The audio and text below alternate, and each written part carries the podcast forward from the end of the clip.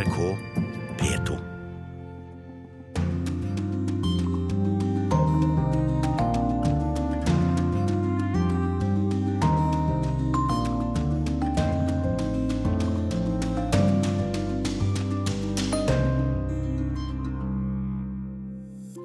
Syriske flyktninger i Tyrkia utsetter reiseplaner til Europa. Men lite tyder på at trykket mot Hellas avtar med det første, forteller Norges ambassadør til Aten.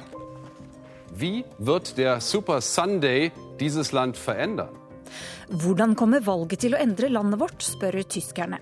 Stor spenning før delstatsvalget i Tyskland i morgen. Høyrepopulistisk parti trekker til seg velgere i både øst og vest.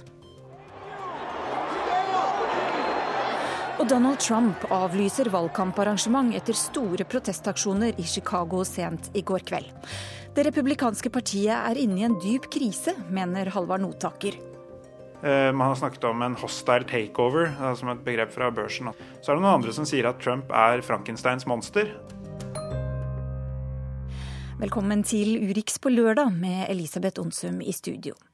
Dette er da noen av stoppestedene på denne timeslange reisen, og du bør henge med helt til slutten, for ukas brev er sendt fra et sted med legendarisk utsikt i Afrika. Vi starter med flyktningkrisen. Stengte grenser i Europa og EUs forslag om å returnere migranter til Tyrkia har skapt debatt. Mens FN og menneskerettighetsorganisasjoner har kritisert planene, har ledere i Europa kalt avtaleforslaget for et gjennombrudd. Midtøsten-korrespondent Sigurd Falkenberg Mikkelsen, du har eh, vært våre øyne og ører i Syria denne uka. Hva har de fått med seg, eh, de som fortsatt er igjen i Syria, eh, av det som skjer i Europa nå?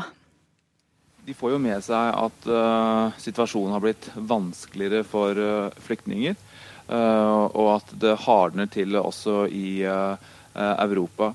og det er faktisk, Men allerede før dette begynte, så har det også vært noen, eh, ikke så veldig mange tror jeg, det finnes jo ikke noe tall på dette, som har eh, vendt hjem igjen. Jeg har truffet flere som har kjentfolk eller familiemedlemmer som har vendt tilbake til Syria fordi de ikke fant det de hadde håpet i Europa.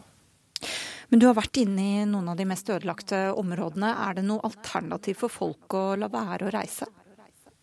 Nei, For noen så er det ikke det. Eh, det er jo mange eh, årsaker og mange forskjellige eh, motiver for folk som reiser fra Syria. Noen f.eks. fra myndighetskontrollerte områder gjør det pga. krigstrøtthet, fordi de ikke støtter myndighetene nok til å ville slåss side om side med dem, eh, men heller ikke har noen særlig tro på eh, opposisjonen, i og med at den har utviklet seg i den retningen den har. Så Du har de menneskene som står på en måte i midten, som flykter, og så har du de i mest, den mest desperate situasjonen, som ikke har noe som helst valg. Enten fordi de allerede har flyktet ut av landet og har ingenting å vende tilbake til fordi hjemmene deres er knust. Eh, og kanskje også politisk eh, ikke har muligheten til å søke tilflukt i Assad-kontrollerte områder. Eh, for dem så er alternativet da en flyktningleir i Tyrkia, eller å prøve seg til, på veien til Europa, eventuelt i Libanon eller Jordan. Også der har det blitt vanskeligere å komme inn.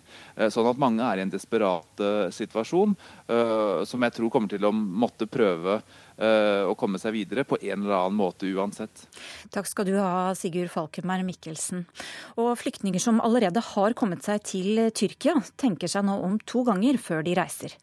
Korrespondent Kristin Solberg har møtt noen av dem i Istanbul. Dette er Josef al-Hossam. Han er 25 år, syrisk flyktning i Istanbul og snakker om avtalen mellom EU og Tyrkia. Han kaller den latterlig. Okay, why I can't go there? I am just a human. I can go wherever I want. And that's, uh, that's so ridiculous. Jeg er bare et menneske. Jeg bør kunne dra hvor jeg vil, sier han.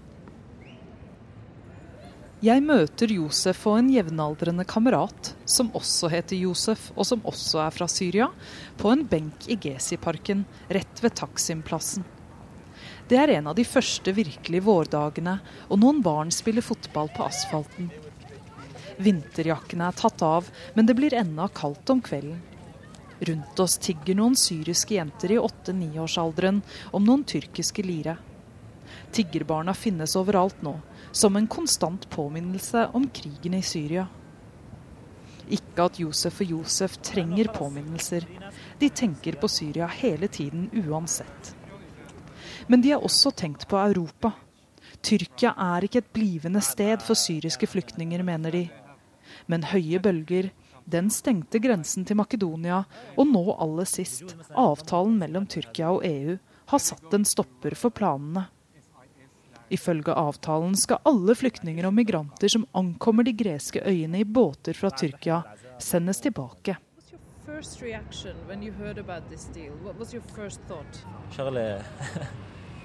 يعني متوقع كل شيء متوقع يعني حتى متوقع انه بيوم من الايام مثلا يجمعوهم كلهم ويرجعوهم على سوريا مثلا فكل شيء متوقع يعني من اول ما Jeg er egentlig ikke overrasket, sier Josef Bakker. Helt siden starten av revolusjonen har syrere blitt drept, og ingen har brydd seg. Han sier han ikke lenger har tillit til verdenssamfunnet, at dette bare er den siste i en lang rekke skuffelser.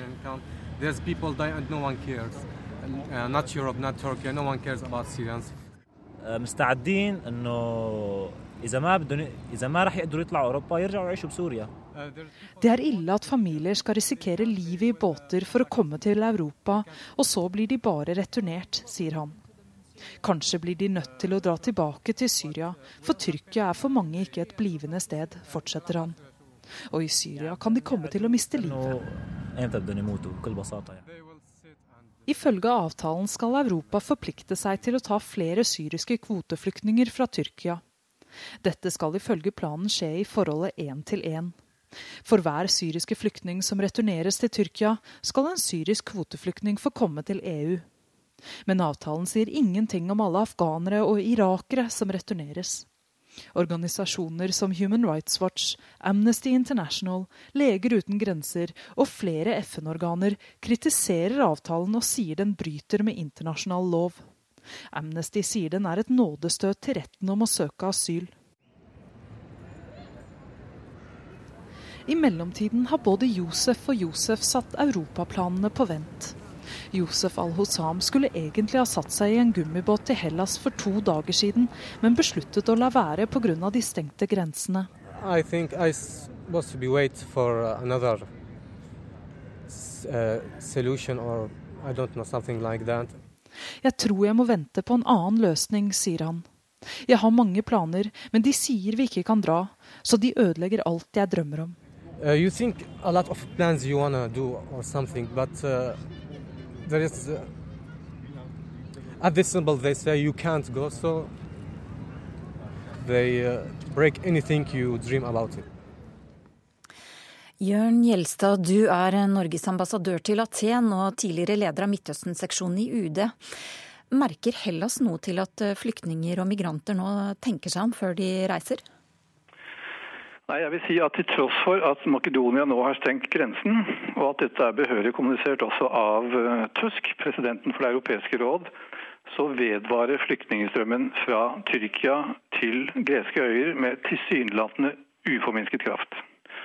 Og eh, Natt til i går ankom om lag 2700 nye illegale migranter fra tyrkisk side. Så jeg vil si at det er høyst uklart om vissheten om stengte grenser har noen som helst betydning for handlingsvalget som migrantene gjør, særlig de som allerede har satt seg i bevegelse, eller om tallet på innkomne migranter hadde vært større dersom ferdselsveiene nordover hadde vært åpne. Hva skjer dersom det ikke slutter å komme flyktninger og migranter til Hellas? Dette går rett inn i det greske eh, hva skal vi si, altså marerittsbildet, hvor man ser for seg at grensen til naboland holdes stengt over lengre tid. At et økende antall migranter kan tenkes å bli returnert tilbake til Hellas fra land lenger nord, og hvor flyktningstrømmen over øyene ikke synes å avta i det hele tatt. Slik at Her frykter man at Hellas da er i ferd med å endre karakter fra å være et transittland til å bli et mottaksland av illegale migranter i økende antall innelukket i det sørøstlige hjørnet av Europa. Og for å sitere Mosalas, som er eh, migrasjonsminister i Hellas. Eh, jeg ser ikke bort fra, har han uttalt, at eh, oppholdstall av illegale migranter i Hellas kan overskride selv 150 000 i løpet av mellomlang sikt. Og det er klart Dette stiller enorme krav til innkvartering av titusener hardt pregede illegale migranter over lengre tidsrom. Asylforvaltningen og ikke minst den sosiale dynamikken og politiske, de politiske konsekvenser dette vil ha over tid dersom et økende antall migranter blir, blir værende i Hellas. EU har jo kommet med skarp kritikk av Hellas i denne krisesituasjonen. Og du er i tett kontakt med greske myndigheter. Er kritikken berettiget? Jeg tror vi må dele den uh, kritikken uh, i to. Den som var innrettet i fasen før terroraksjonen i Paris, synes å ha en berettigelse der. Kunne, den perioden kunne greske myndigheter definitivt ha gjort mer. Det som har skjedd etterpå, og ikke minst forsterket av uh, grensestengningsryktene, har fått opp farten uh, på handlingsinitiativene. Og Jeg vil bare kort nevne noen ting som er blitt gjort, som fullt ut samsvarer med krav og forventninger fra EU-siden. Alle hotspotene er nå ferdigstilte, altså førstelinjemottakene på de fem viktigste øyene. Registreringsprosedyrene er eh, utvidet, og de registrerer nå praktisk talt alle innkomne illegale migranter. De har en innlosjeringskapasitet på øyene som er større enn hva EU i utgangspunktet har legget opp til. Og de opererer også veldig effektivt med de integrerte databasesystemene for å sjekke identitet. Angela Merkel kalte dette forslaget til avtale mellom EU og Tyrkia for et framskritt. Eh, hva mener du? Jeg skal være litt varsom med å si akkurat hva jeg personlig mener om dette. Men eh, hvis jeg skal snakke på vegne av hvordan eh, holdningsmessig her nede er, så stilles det spørsmål til om EU vil lykkes i å finne en balanse med de tyrkiske kravene og har tilstrekkelig politisk vilje til å imøtekomme de. Dersom dette skal ha en umiddelbar effekt, så, så kreves det jo en rask implementering. Og Der stilles det jo også spørsmål hvordan vil gjennomføringsmodellen for dette være. Eh, vil det være snakk om en innfasing over lengre tid? Og Siste punktet de er svært uh, usikre på, er jo da hvordan EU-kretsen vil opptre i forhold til denne, altså en avtaleenighet. Vil alle støtte dette, eller vil noen kun støtte det? Vil gjennomføringen være avhengig av en koalisjon av de vilje? Eller hvordan vil dette egentlig spille ut politisk? Så Det er mange spørsmål som reises fra gresk side knyttet til dette, men hovedlinjen er at man ser på det som positivt. Takk skal du ha, ambassadør Jørn Gjelstad i Aten. Og vi skal holde oss til flyktningkrisen, for i Tyskland er det delstatsvalg i morgen. Eller supersøndag, som de kaller det. Langt mindre baluba enn i amerikansk valgkamp, men eh, dette valget ligger an til å bli en thriller pga. det store antall flyktninger og migranter som har kommet til landet. Og NRKs korrespondent i Berlin, Guri Nordstrøm. Tyskerne spør seg nå hvordan dette valget kan komme til å forandre landet. Hva er det som skjer? Dette blir sett på som selve lakmustesten på Merkels migrantpolitikk.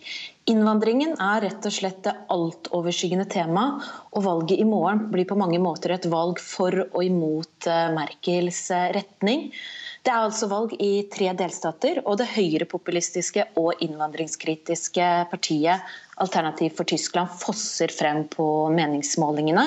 Går det så bra for dem som det det ser ut som nå, så vil dette partiet sannsynligvis bli en stemme som de etablerte partiene må forholde seg til fremover, selv om de ikke ønsker det selv.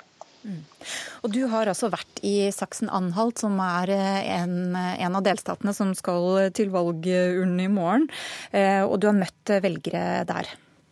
Ja, dette er da en delstat som ligger i det tidligere DDR, der det er ventet at dette partiet vil få så mye som 18 eh, oppslutning. Og jeg var da nylig i en liten by som heter Bitterfelt, og spurte innbyggerne der om hvorfor Alternativ for Tyskland er et alternativ for eh, nettopp dem. Mm, vi skal høre.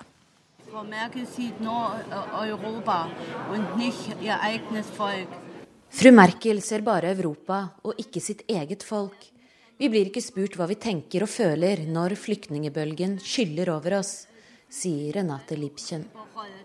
Tidligere har hun alltid stemt på Merkels parti CDU, men i år er det slutt. Hun har nettopp kommet inn døra på folkemøtet for partiet Alternativ for Tyskland i den lille byen Bitterfeld i Saksen-Anhalt i tidligere Øst-Tyskland. Et stappfullt lokale, påsmurte smørbrød og en ølkran som går varm. Lyseblå plakater og vimpler med rød påskrift.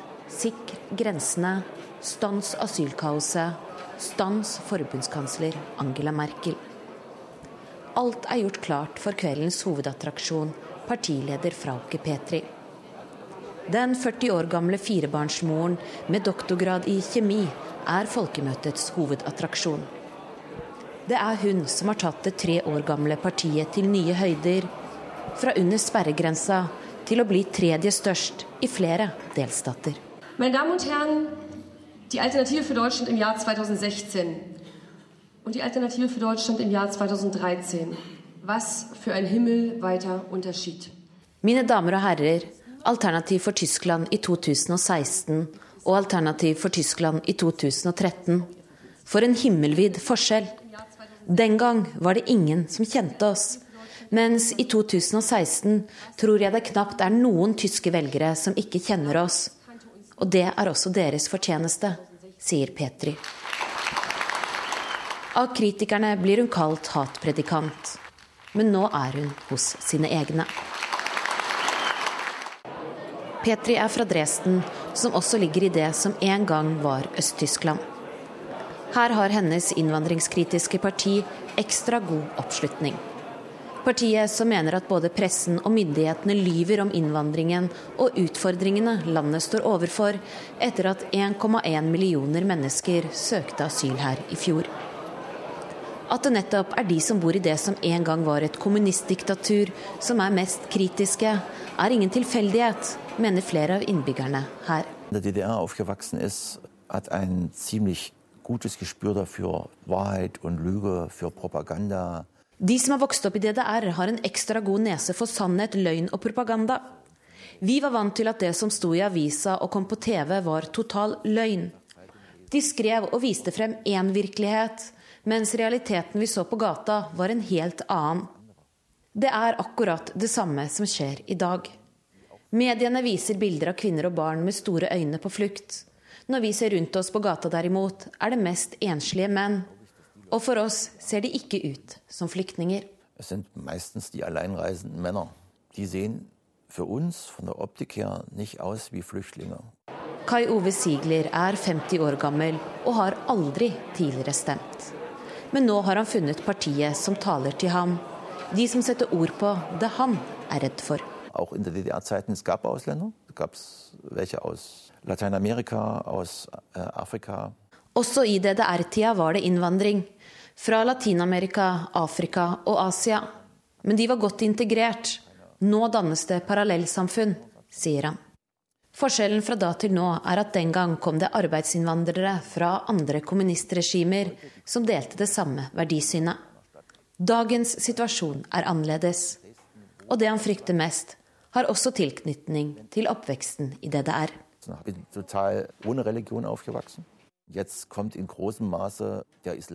Vi vokste opp totalt uten religion.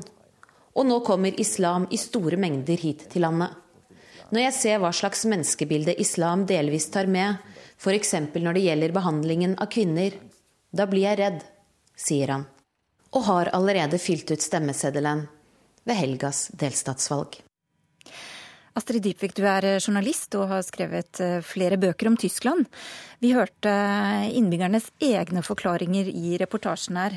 Hvilke andre faktorer spiller inn på at dette unge partiet, de er bare tre år gamle, eh, får så stor oppslutning?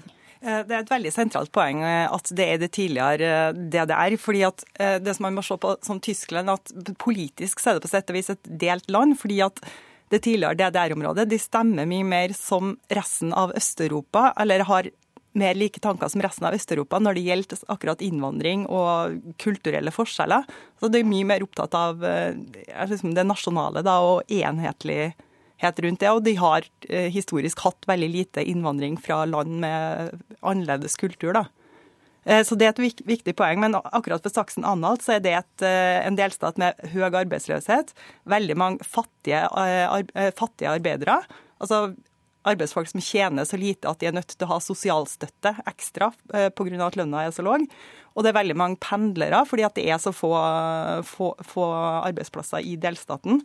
Eh, så det er en delstat med mange sosiale problemer. sånn at når en velger sier at hun Merkel hun tenker ikke på oss og hun gjør ikke noe for oss, så er ikke det så vanskelig å tenke seg at, eh, eller så vanskelig å forstå at det oppleves på den måten, fordi at de har hatt eh, store økonomiske problemer veldig lenge. da, Selv om det går godt for resten av Tyskland, så går det ikke noe spesielt bra i Saksen-Anhalt.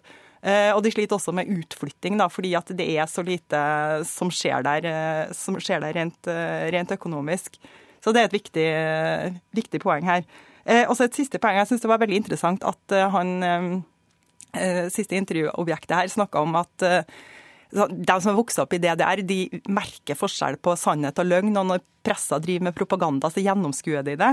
Fordi at jeg tror det at eller det er sånn at veldig mange i det tidligere DDR-området at de har en sterk mistillit til staten, eller at de føler seg sånn like godt integrert i det nye Tyskland som de egentlig har vært en del av ganske lenge. At de føler seg fremmed på en måte i sitt eget land. Det er en følelse som er ganske utbredt der, og som han eh, gir uttrykk for her. Og som nå gir seg utslag i at de oppslutning om alternativet for Deutschland. Mm. Likevel, Guri Nordstrøm, det er, det er, jo ikke AFD som ligger an til å vinne i Saksen-Anhalt. Det er det CDO, Merkels parti, som gjør. Eh, hvorfor det? Her har delstatsministeren Reiner Hasselhoff, som da er fra Merkels eget parti CDU, som du sa, rett og slett gått ut og kritisert Merkels migrantpolitikk offentlig. Eh, så han tjener nok noen stemmer på det, ettersom nesten halvparten av velgerne her sier at de er eh, misfornøyd med henne. Ellers så har jo CDU og de konservative tradisjonelt sett stått sterkt i øst. De har blitt sett på som et slags frigjøringsparti etter gjenforeninga. Eh, de engasjerte seg sterkt i, i Øst-Tyskland, helt fra forbundskansler Helmut Kohl, som gikk inn for at man skulle kunne veksle gamle østtyske mark inn i forholdet én til én i den nye økonomien. Så de har tradisjonelt sett vært veldig populære. I tillegg så er jo sosialdemokratene svakere her. Eh, det har vært en splitta venstreside, og da blir de konservative eh, ofte størst. Vi eh, skal flytte oss litt lenger sør til en både folkerik og rik stat, får vi si, Baden-Würtemberg. Der har De grønne sittet i førersetet siden valget i 2011. Og vi skal høre et lite lydklipp med den populære lederen Winfred Kretschmann. Ministerpräsident von Baden-Württemberg fährt einen Daimler Basta. Ich nehme Daimler S-Klasse, ich kann doch kein Fiat fahren. Han sier altså på klingende sørtysk at uh, det selvsagt er sånn at han som delstatsminister må kjøre en Daimler-Benz og ikke en Fiat. Uh, og Astrid Dybvik, i en delstat der bilindustri er hovednæringen, skulle man jo tro at, et, at det er et paradoks at, at det sitter et miljøparti ved makten? Eh, ja, men Det er ikke så paradoksalt som, eh, som man skulle tro. fordi at, eh, at, De Grønne er veldig teknologioptimistisk. Og bilindustrien i Tyskland har jo prøvd å gå i retning ren. altså Nå viste det seg med denne Volkswagen-skandalen at det er litt vanskeligere enn man kanskje eh, hadde trodd. Men også det eh, at han kom til makta, eller at de sitter med makta i Baden-Württemberg, det har veldig mye å gjøre med han Winfried Kretschmann som person, fordi at han er ekstremt eh, karismatisk og ekstremt populær. og han han vant eh, valget i, eh, i 2011 veldig mye pga. Fukushima-saka, fordi at De Grønne har alltid vært ekstremt sterkt imot atomkraft. Og da var jo det en veldig vinnerstrak etter den store katastrofen i Japan. Men han har klart å holde populariteten og har faktisk blitt enda mer populær. Og det har mye med hans personlige egenskaper å gjøre. Og også at de, ikke, at de har plassert seg ganske i midten av det politiske landskapet i, i politikken sin. Da. Ja, Guri, Hvor viktig er flyktningpolitikken i Baden-Würtemberg, som jo er nabostaten til Bayern, som har hatt stort eh, trykk når det er migrasjon? Velgerne her sier på spørreundersøkelser at de egentlig er mest opptatt av skolepolitikk og miljøpolitikk. Men migrantpolitikken er også veldig viktig her. Det ser man ikke minst med tanke på hvordan hovedkandidaten oppfører seg.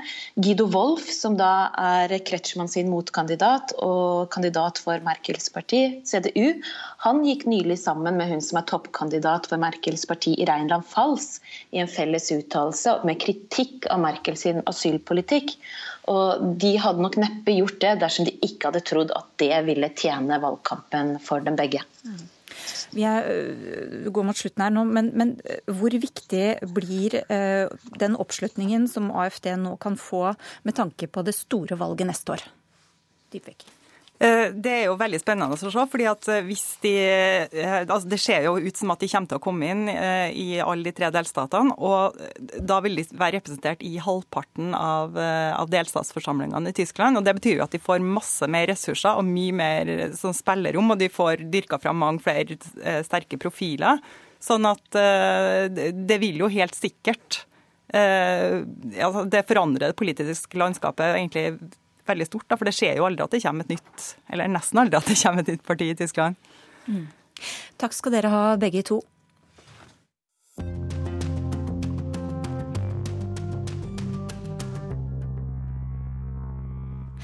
Den norske frilansjournalisten Øyvind Vinstad kom i går kveld tilbake til Norge. Sterkt forslått etter at han onsdag kveld ble angrepet av ukjente menn på en landvei sør i Russland. Vinstad var på tur sammen med andre journalister og menneskerettighetsforkjempere, og, ble, og angrepet knyttes til situasjonen i den russiske republikken Tsjetsjenia, som styres av den autoritære presidenten eh, Ramzan Kydrov. NRKs eh, korrespondent Morten Jentoft var eh, en av dem som sørget for at eh, Vinstad i går kom trygt hjem, og har laget denne saken for Urix på lørdag. Hallo, hallo, hei. Endelig traff jeg deg. altså. Godt å se deg. Hvordan går det?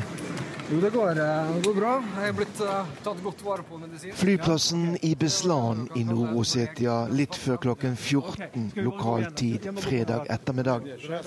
I avgangshallen står en ung mann i T-skjorte på krykker. Ansiktet er fullt av grønne merker fra det som må være desinfiseringsmiddel etter sårskade. På den ene foten en litt dårlig festet bandasje. Etter en del byråkratisk parlamentering fram og tilbake der NRK må gå god for at Vinstad ikke kommer med krav overfor lokale myndigheter, er vi om bord i det fullstappede flyet til Moskva. Øystein Vinstad kan endelig puste ut, etter noen dager som nok er de mest dramatiske han noen gang har opplevd. Frilansjournalisten hadde reist til området på invitasjon fra menneskerettighetsgruppen Komiteen mot tortur. Men turen han var med på, fikk en brå slutt da de ble angrepet av ukjente menn på landeveien like nær grensen mellom de russiske republikkene Tsjetsjenia og Ingusjetia.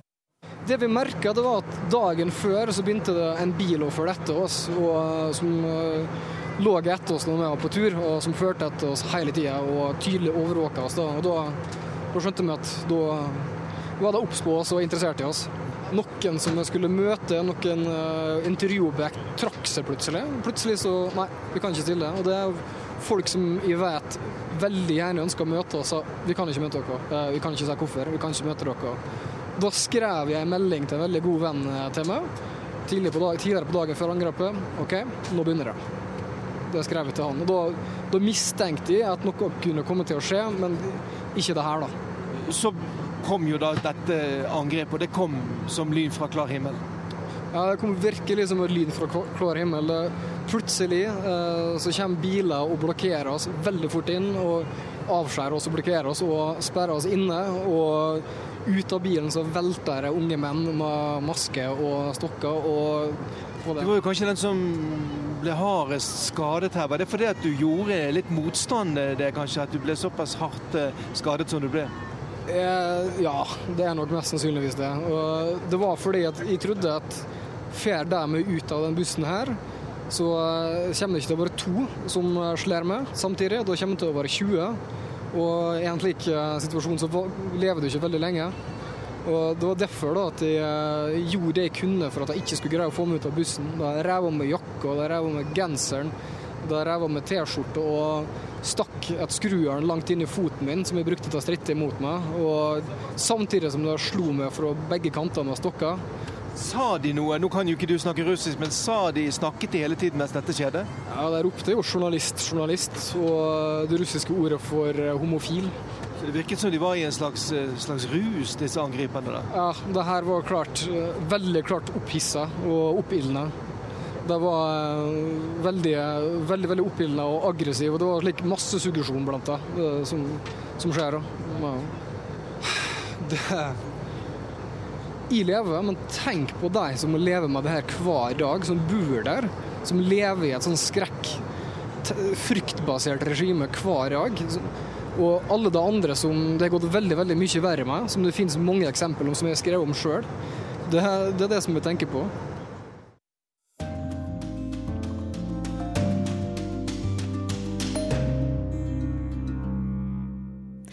Vi skal til USA. For i natt ble nominasjonskampen i det republikanske partiet partiet enda et hakk mer dramatisk. Donald Trump valgte å avlyse et stort valgkamparrangement i Chicago fordi flere tusen demonstranter, mange fra Black Lives Matter-bevegelsen, hadde kommet til universitetet der møtet skulle holdes. Den siste uka har det vært økt uro på Trumps møter, men ledelsen hans på meningsmålingene øker likevel. Mr. Trump just arrived in Chicago and, after meeting with law enforcement, has determined that for the safety of all the tens of thousands of people that have gathered in and around the arena, tonight's rally will be postponed until another day. Det er første gang det skjer. I går kveld kom en mann fra Trump-kampanjen ut på scenen ved University of Illinois og fortalte mellom 10 og 15 000 frammøtte at han de hadde kommet for å se, ikke kom til å dukke opp. Donald Trump har avlyst et valgkamparrangement fordi han frykter for sin egen og sine tilhengeres sikkerhet. Et par tusen demonstranter, mange av dem fra Black Lives Matter-bevegelsen, som oppsto etter raseopptøyene i Ferguson i Missouri i 2014, hadde i flere timer demonstrert utenfor arenaen. Mange av dem hadde imidlertid også kommet seg inn. Vi stoppet Trump, ropte de da det ble klart at arrangementet ble avlyst. Det brøt imidlertid også ut sammenstøt mellom demonstranter og frustrerte Trump-tilhengere som hadde ventet i timevis på å se mannen de ønsker som sin president. Bildene har rullet over TV-skjermene her i hele natt. Flere jeg har snakket med, sier dette er en ny fase i valgkampen. En de er flau over. Det er ikke slik det skal se ut svarte demonstranter som bæres ut fra et valgmøte av politiet. En afroamerikansk pastor som knuffer med politifolk oppe på talerstolen til Trump. Illsinte hvite tilhengere som roper skjellsord og slår etter demonstranter. Andremann i nominasjonsracet, Ted Cruz, var også i Illinois i går, der han langt på vei antydet at Trump har seg selv å takke. Any candidate is responsible for the culture of the campaign. When you have a campaign that affirmatively encourages violence, you create an environment that only encourages this sort of nasty discourse. Det er ikke første gang folk demonstrerer på Donald Trumps valgmøter. Det har skjedd stadig flere ganger de siste ukene. Og fra talerstolen har Trump sagt slike ting som dette om demonstrantene. So tomato,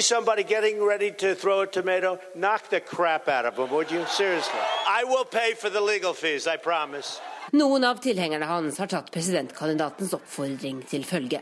På onsdag slo 78 år gamle John McGraw en mørkhudet demonstrant i ansiktet på et valgmøte i Nord-Carolina. Han hadde dette å si til en journalist fra Washington Post etterpå. Yes, Amerikanere er ikke vant til å se valgkamp bli ført på denne måten. Likevel mener mange opptøyer og uro bare vil øke Trumps oppslutning på tirsdag, når det er valg i Illinois, Nord-Carolina, Missouri, Ohio og Florida. Hovedpersonen sa i natt til CNN at han ikke angrer på det han har sagt om hvordan han ønsker å behandle demonstranter. You regret saying any of those things, especially the things that you have said about punching protesters, sending them out on stretchers. No, I don't regret it at all. Some of these protesters were violent. Uh, they were swinging, they were hitting people, and they were really doing damage. And frankly, the crowd turned on them or the police turned on them. In most cases, it was the police. Krisen i det republikanske partiet er total tre dager før skjebnevalgene på tirsdag. Motkandidatene til Trump sliter alle i motbakke. Mest av alt Marco Rubio. Han ligger langt bak på målingene i hjemstaten Florida. Og ryktene går om at han kan komme til å trekke seg allerede før tirsdag for å slippe den totale ydmykelsen. Clearly John Kasich is, has a better chance of Ohio than I do, and uh, if a Ohio concludes that voting for John Kasich gives us the best chance to stop Donald Trump there. I anticipate that's what they'll do. I går gikk Rubio til og med ut og oppfordret republikanske velgere i Ohio til å stemme på sin egen guvernør John Kasich i stedet for ham selv. Han mener velgerne må stemme taktisk for å stoppe Trump, og Kasich ligger jevnt med ham på målingene i Ohio. I Florida er 150 millioner dollar blitt brukt på en reklamekampanje mot Trump de siste ukene. Men stormløpet hans mot nominasjonen blir stadig vanskeligere å stoppe. Det var USA-korrespondent Tove Bjørgaas som hadde lagd den eh, reportasjen. Halvard Notaker har doktorgrad i valgkamphistorie og skriver bok om den amerikanske valgkampen. Akkurat nå sitter han på et fly til USA for å følge valgkampen, men eh, jeg rakk å møte ham før avreise. Han mener det republikanske partiet befinner seg i en alvorlig situasjon. Når Trump og Cruz er de to ledende kandidatene, så er det et tegn på at det republikanske partiet er i en dyp krise, fordi begge kandidatene representerer et opprør mot det som har vært hovedstrømmen i partiet eh, gjennom flere tiår. Det betyr at de som identifiserer seg med hovedstrømmen, ikke lenger eh, har noe klart sted å gå. Eh, og det er jo et åpenbart problem for et parti. Eh, hvis eh, kjernen forsvinner på et vis, eller flytter seg. Og På hvilken måte bryter de? Cruz er en opprører eh, mot eh, samarbeid, mot kompromiss. Han er en slags eh, korsfarer for ideologisk renhet.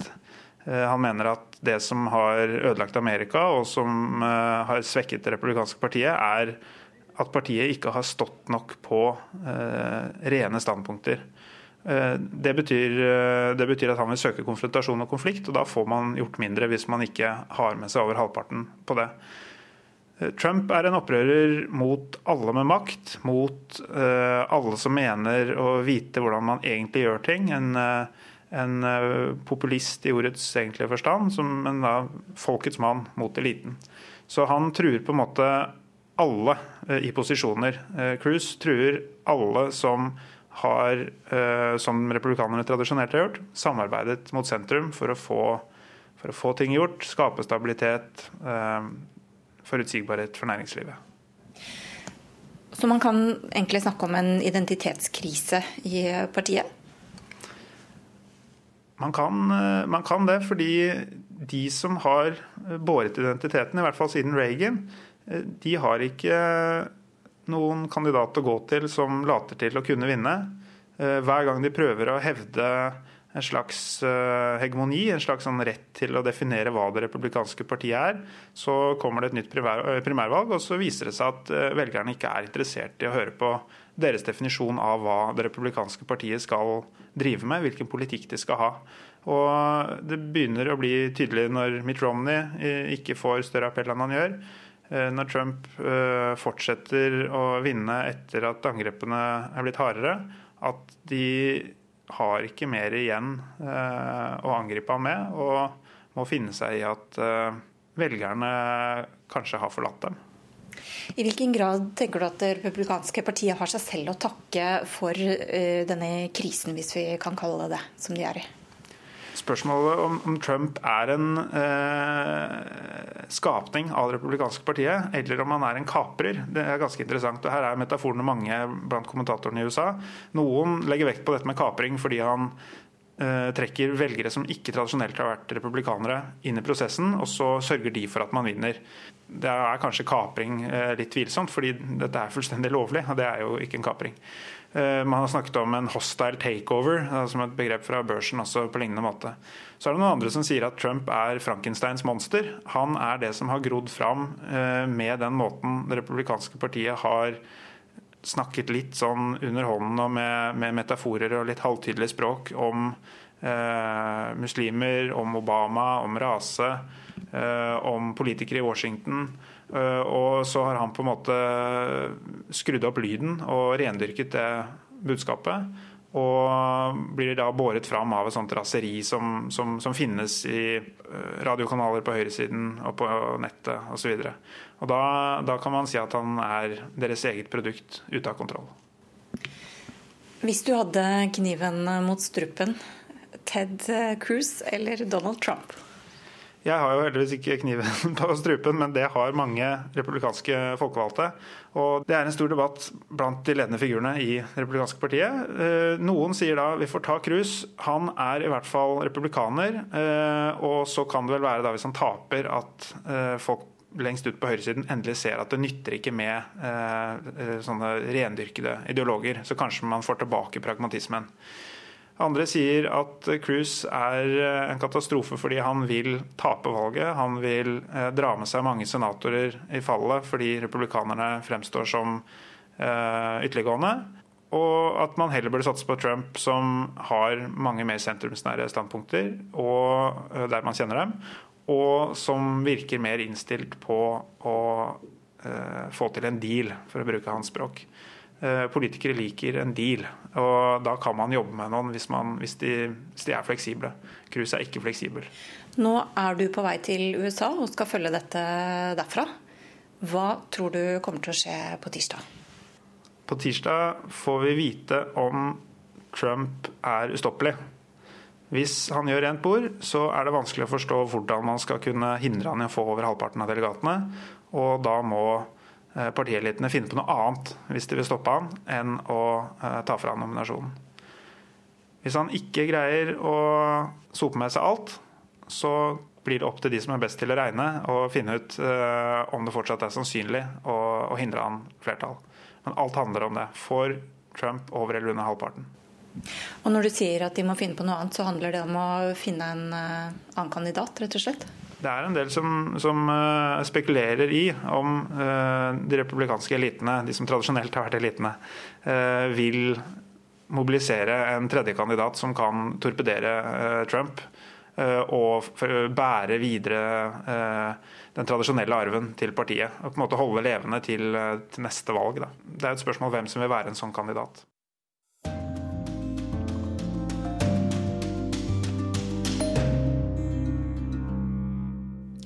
Musikk har vært et viktig redskap i kriger gjennom historien. Men i Syriakrigen har religiøs overbevisning satt en stopper for musikken enkelte steder. Kollega Roger Severin Bruland har forsøkt å finne ut hva det er som gjør at musikk er så viktig for soldater.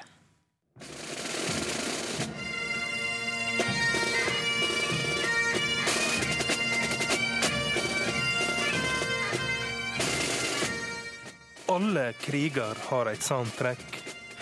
Enten for å oppildne troppene med skotske sekkepiper, eller som i Vietnamkrigen, der en spilte Wagner fra helikopter for å skremme fienden.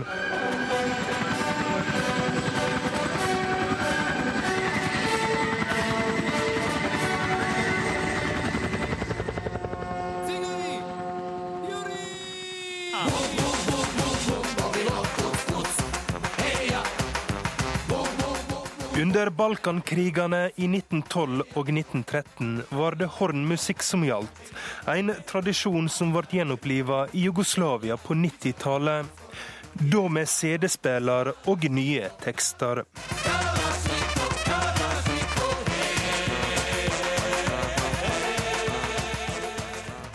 Nå raser en blodig konflikt i Syria. Og hvordan nytter en musikken der? For å finne ut det, må vi snakke med programlederen i NRK P2s musikkprogram Jungeltelegrafen. God dag, god dag. God dag, god dag. Velkommen hit. Takk for det. Arne Berg har i samarbeid med frilanser Soran Gorbani laga en radiodokumentar der de prøver å finne ut hvordan musikk blir brukt på slagmarka i Syria. Gurbani har i lengre tid fulgt de kurdiske peshmerga-styrkene, og han har oppdaga at musikk er et viktig redskap i kampen mot IS. De minnes sine døde, og de bruker den til å slappe av mellom kamphandlingene. Så inn her begynner de å le. De er ordentlig erter hverandre. Kontrasten til fienden er stor. På vei inn til Kobane kom Soran Gorbani over døde IS-soldater. Så tok vi ut uh, SIM-kortet og så fikk de se hva som ligger der. og Der var det ikke noe musikk i det hele tatt. Bare religiøs messing. Bare uh, imamen som maner, som maner dem til kamp. Trenger ikke de musikk? Jeg tolker at jeg har dem en ulempe. Det er en ulempe for dem at de ikke kan ha den musikken som gir den, som booster moralen. Men hva er det denne musikken dypest sett handler om? Da viser han oss en video av Sara som står ved Eufrats bredder. IS er jaga på flukt, men trusselen lurer fremdeles i horisonten over elva. Og så, og så plutselig så setter hun seg ned her på slutten av eh, saken her, og så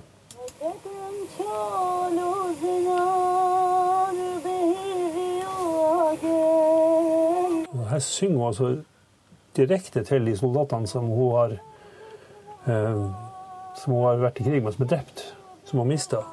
Og det er et kjent fenomen i krigsmusikken, som kanskje best har blitt formidla av Vera Lynn i en sentimental sang fra andre verdenskrigen.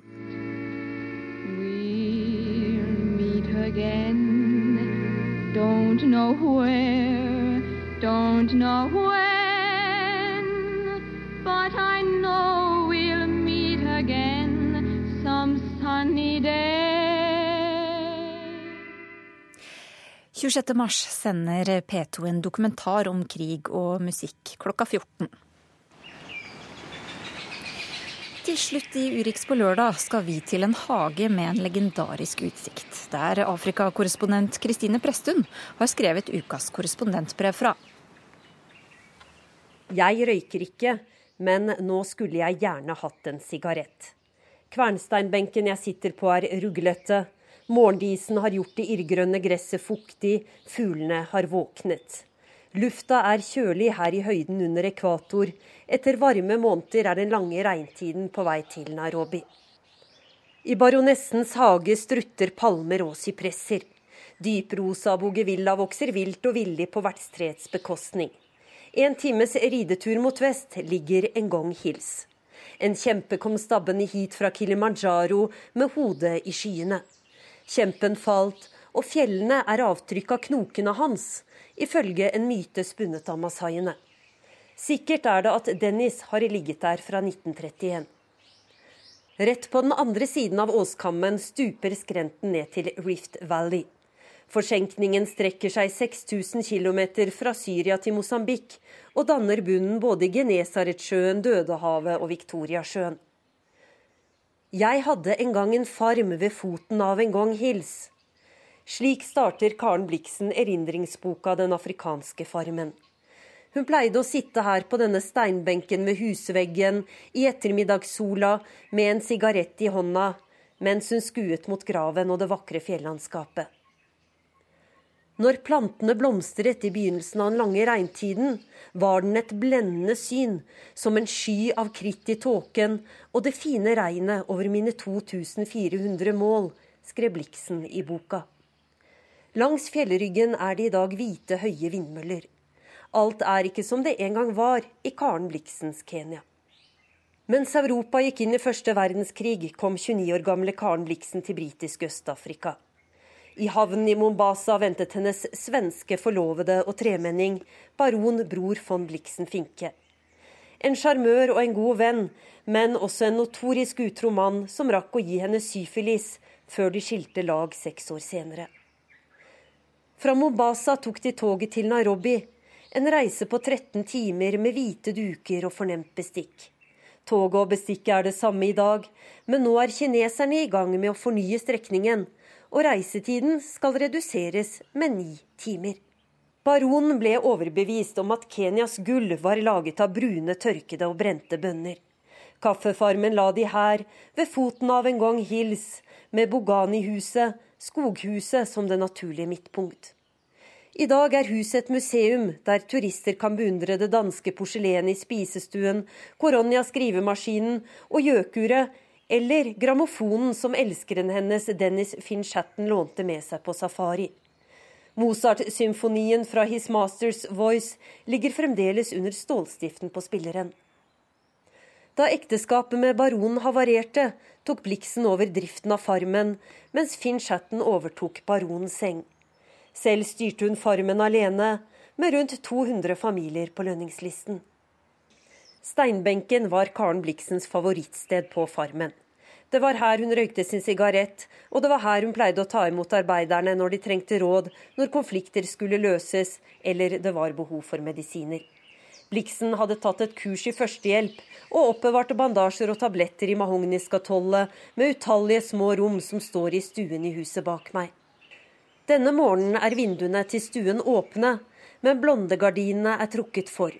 Det er som om de florilette gardinene forgjeves prøver å beskytte Blixens verden, en verden som for så mange har blitt til forestillingene, drømmene og mytene om Afrika. Jeg titter inn på soverommet. Der ligger løveskinnet på gulvet med gapende munn, mens kofferten til Blixen fra det franske motehuset Louis Vuitton står inntil veggen. Den er høy nok til at klærne kunne henge i kofferten uten å bli krøllete. Kofferten er tom men i et skap henger de kakefargede skjortene og ridebuksene som Meryl Streep og Robert Redford brukte i filmen Midt-Afrika. Filmen som fikk sju Oscar i 1985, har gjort at mange ser for seg ansiktet til Meryl Streep når de hører navnet Blixen. Bydelen Karen er oppkalt etter den verdensberømte dansken. Farmen hennes er ikke lenger omgitt av kaffetrær, maismarker, bananplanter og landsbyer med hus av strå.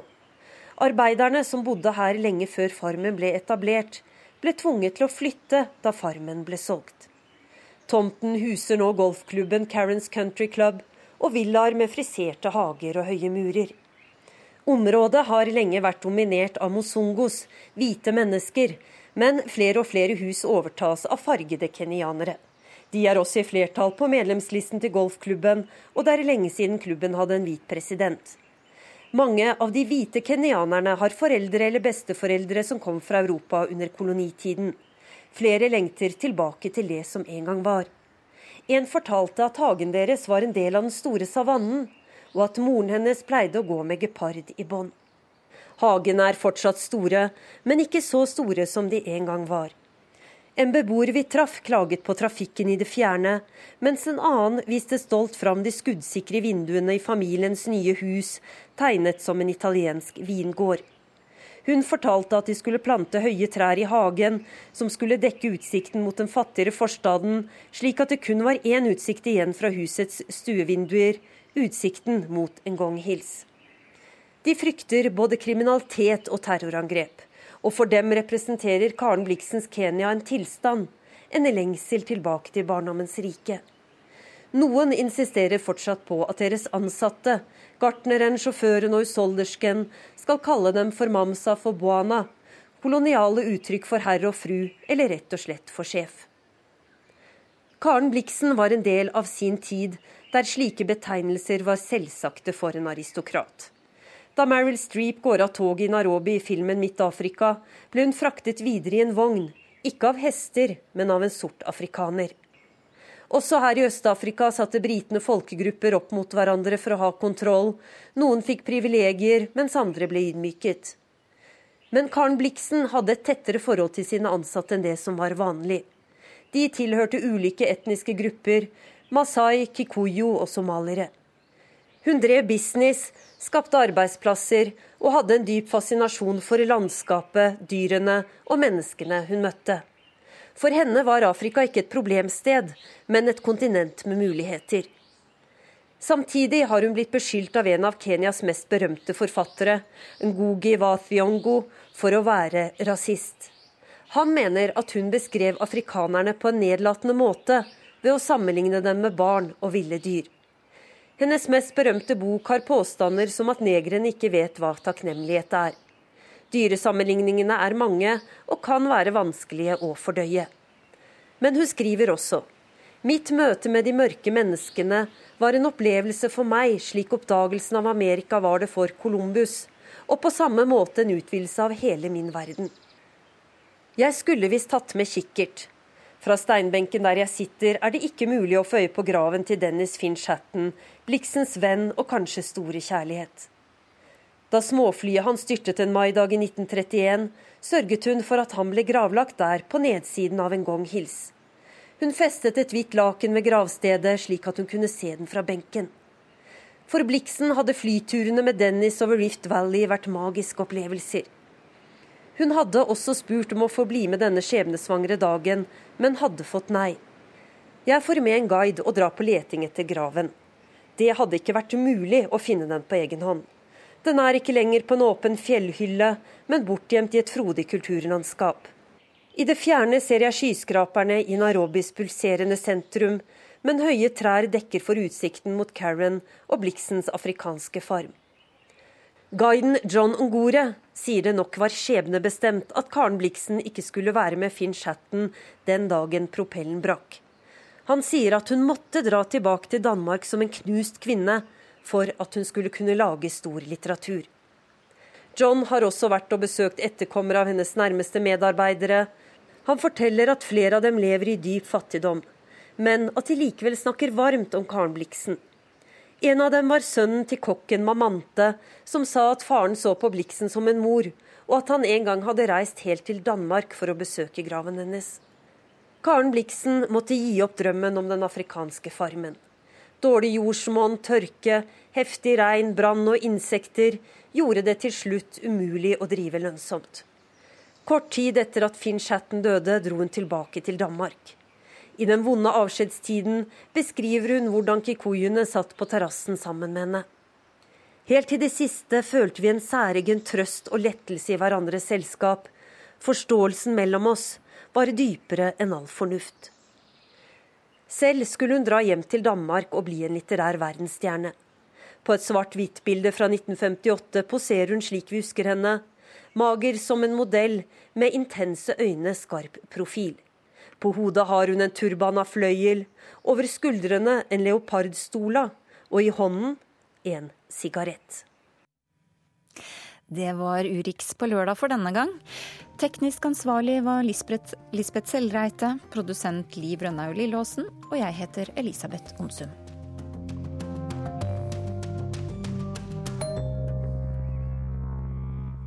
Hør flere podkaster på nrk.no podkast.